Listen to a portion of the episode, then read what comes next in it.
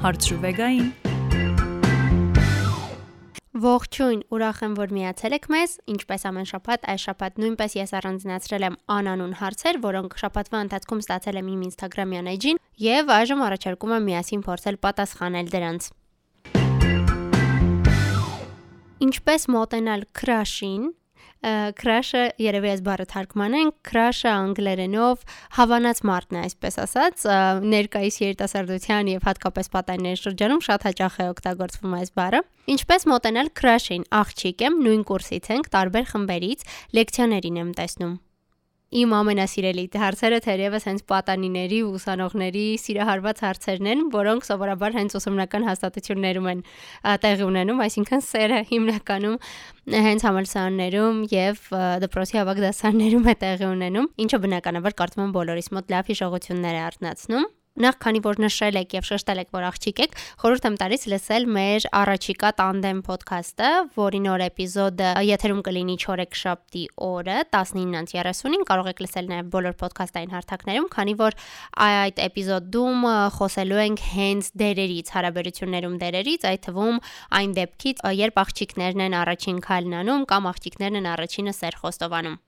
Եթե մոտենալ ասելով պարզապես նկատի ունեք մտերմությունը եւ ուղակի մոտենալ եւ ասելուց որ ուզում եք իր հետ շփվել կամ թեկուզ ավելի լավ ճանաչել իրար շատ եք ամաչում, ապա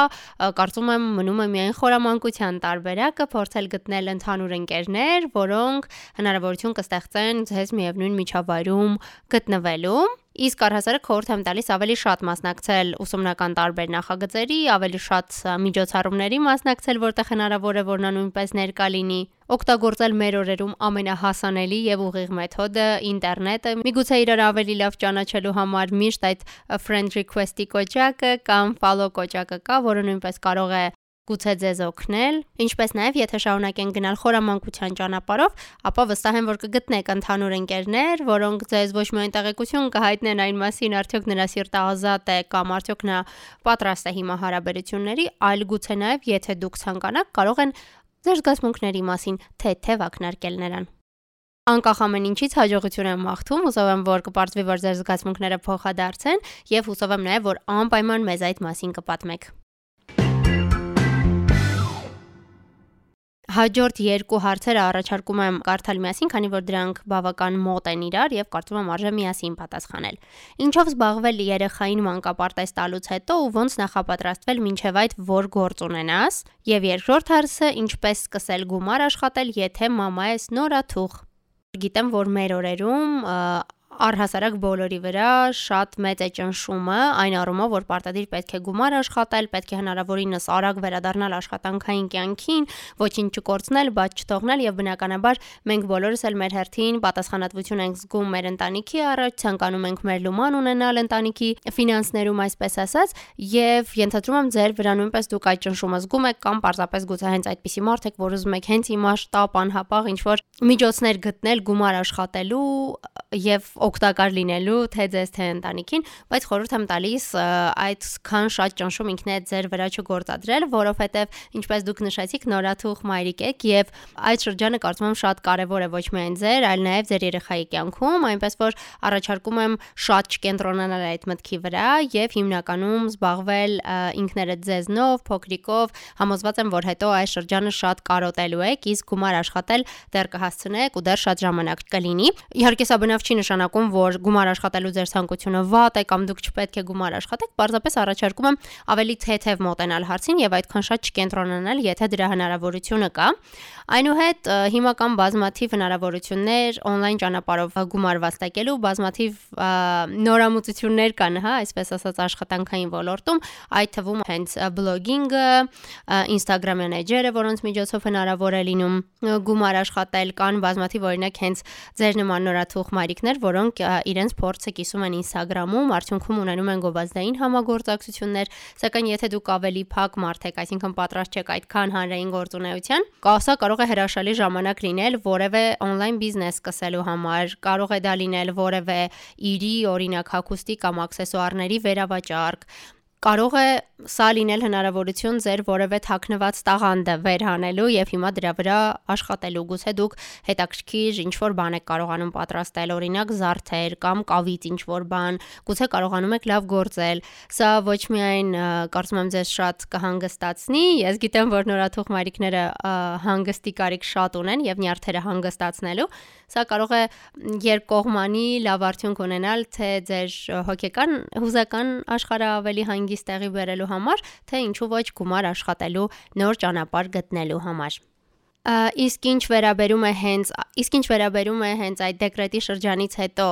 աշխատանքին վերադառնալուն եւ կամ շատ հեշտությամբ աշխատանք գտնելուն, ապա այդ դեպքում էլ կարող եմ միայն առաջարկել, որ երբ ազատ ժամանակ եք ունենում, գիտեմ որ հազվադեպ է նման բան լինում փոքր բալիկներով մայրիկների դեպքում, բայց երբ ազատ ժամանակ եք ունենում,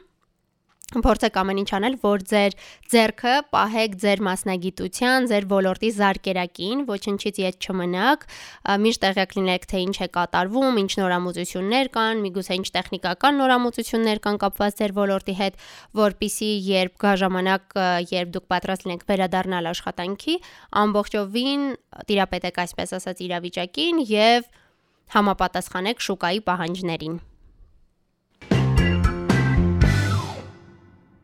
Ինչ անել, եթե դու ունես մի խնդիր քո կյանքում, որը այնպես է, որ դու ու մենակ դու պիտի լուծես։ Խնդիրը շատ պրիմիտիվ է ու հեշտ լուծվող, կարող է ուրիշների համար դա ծիծաղելի թվա նույնիսկ, բայց ինձ այդ խնդիրը քայքայում է։ Ես փախչում եմ խնդրի լուծումից օրեր փախցնելով ու հուսալով, որ մի օր մի բան կլինի ու իրեն իրեն կամ այլ ձև կլուծվի։ Ես չեմ կարողանում օրս լիարժեք ապրել դրա պատճառով, փախչում եմ իրականությունից ու խափում ինձ ու չգիտեմ ոնց մեջս ուժ գտնեմ ու լուծեմ։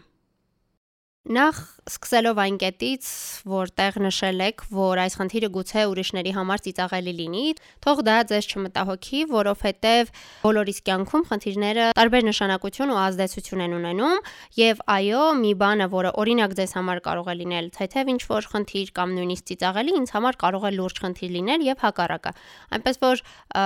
ձեզ վատ մի զգացեք այն մտքից, որ գուցե ձեր խնդիրը շատ թեթև է եւ մարդիկ ավելի լուրջ խնդիրներ ունեն եւ գուցե իրենց համար ծիծաղ ծիծաղելի լինի, եթե խնդիրը ձեզ համար դժվար լուծելի է այս պահին, ապա այն դժվար լուծելի է։ Համակերպեք այդ մտքի հետ։ Եթե խոսքն իրոք շատ փոքր բանի մասին է, որ դուք եք եկել այն եզրահանգմանը, որ իրականում լուծումը շատ հեշտ է, սակայն դուք չեք կարողանում տրամադրվել, ես միանշանակ խորհուրդ կտայի, եթե կա հնարավորություն դիմել հոգեբանի օգնությանը, գուցե շատ ավելի հեշտությամբ կարողանաք լուծում տալ այդ խնդրին, սակայն եթե ինչ-ինչ պատճառով հիմա չկա նման հնարավորություն կամ ցանկություն, որքան էլ որ գրել եք, որ խնդիրն խնդիրն այնպեսին է, որ դուք ու միայն դուք կարող եք լուծել, միևնույն է, գոնե հոգեբանական աջակցություն ձեր մտերիմներից, ընկերներից կարող եք ակնկալել։ Խոսեք ինչ որ մեկի հետ, կիսվեք այն մարդու հետ, ում ամենաշատն եք վստահում, պատմեք նրան, թե ինչու է կայանում ձեր խնդիրը, Որքան էլ դուք վստահ եք, որ միայն դուք կարող եք լուծում տալ այդ խնդրին, գուցե նա ինչ որ կերպ ձեզ փորձի օգնել, ինչպես արդեն նշեցի, թեկուս հոգեբանորեն աջակցելով, ձեր կողքին լինելով, կամ միգուցե լուծման այնպիսի տարբերակ առաջարկի, որտեղ օրինակ խնդրի լուծմանը կարող է մասնակցել ինքը նույնպես։ Հետևաբար ոչ մի դեպքում ձեզ մի մեկուսացրեք, ձեր խնդրի հետ պարտադիր չէ որ մենակ մնաք, օգնություն խնդրելը ամոթ չէ, եթե նույնիսկ այդ խնդիրը ձեզ շատ փոքր է թվում։ Աշխատավայրում շատ մոտ եմ մի տղայի հետ, միասին ենք ընդունվել աշխատանքի, ծանոթացել ու բոլոր դժվարությունները իրար օգնելով հաղթահարել, նաև հիմա։ Բոլորը մտածում են, որ մենք միասին ենք, թեպետ ուղակի լավ ընկերներ ենք։ Ինչ անեմ, որ ընդունեն աղջիկ տղա ընկերական հարաբերությունների նորմալ լինելը։ Կարծում եմ արժե մտածել, իսկ արդյոք ձեզ պետք է, որ ձեր հարաբերությունները կամ ձեր հարաբերությունների ձևաչափը կամ առհասարակ հա գլոբալ առումով աղջիկ տղա ընկերության հնարավոր լինելը ձեր աշխատավայրում ընդունեն։ Կարծում եմ դա այնքան էլ ձեր խնդիրը չէ, դա ձեր աշխատակիցների խնդիրն է, եթե իրենք այսպես ասած չեն ընդունում, թող չընդունեն, կարևորը դուք եւ ձեր ընկերը գիտեք թե ձեր մեջ ինչ հարաբերություններ կան եւ թող ձեր չմտահոգի այն մարդկանց կարծիքը, ովքեր, չգիտեմ, այդ առումով փոքր տեսահորիզոն ունեն եւ չեն պատկերացնում, որ մարդիկ կարող են նաեւ պարզապես ընկերներ լինել։ Կարծում եմ նման դեպքերում կարող եք նրանց թույլ տալ, որ լսեն մեր տանդեմ ոդքասթ այսօր արդեն երկրորդ անգամ եմ հիշատակում այս թողարկման ընթացքում։ Բայց եթե ամեն դեպքում դա ձեզ շատ նեղացնում է,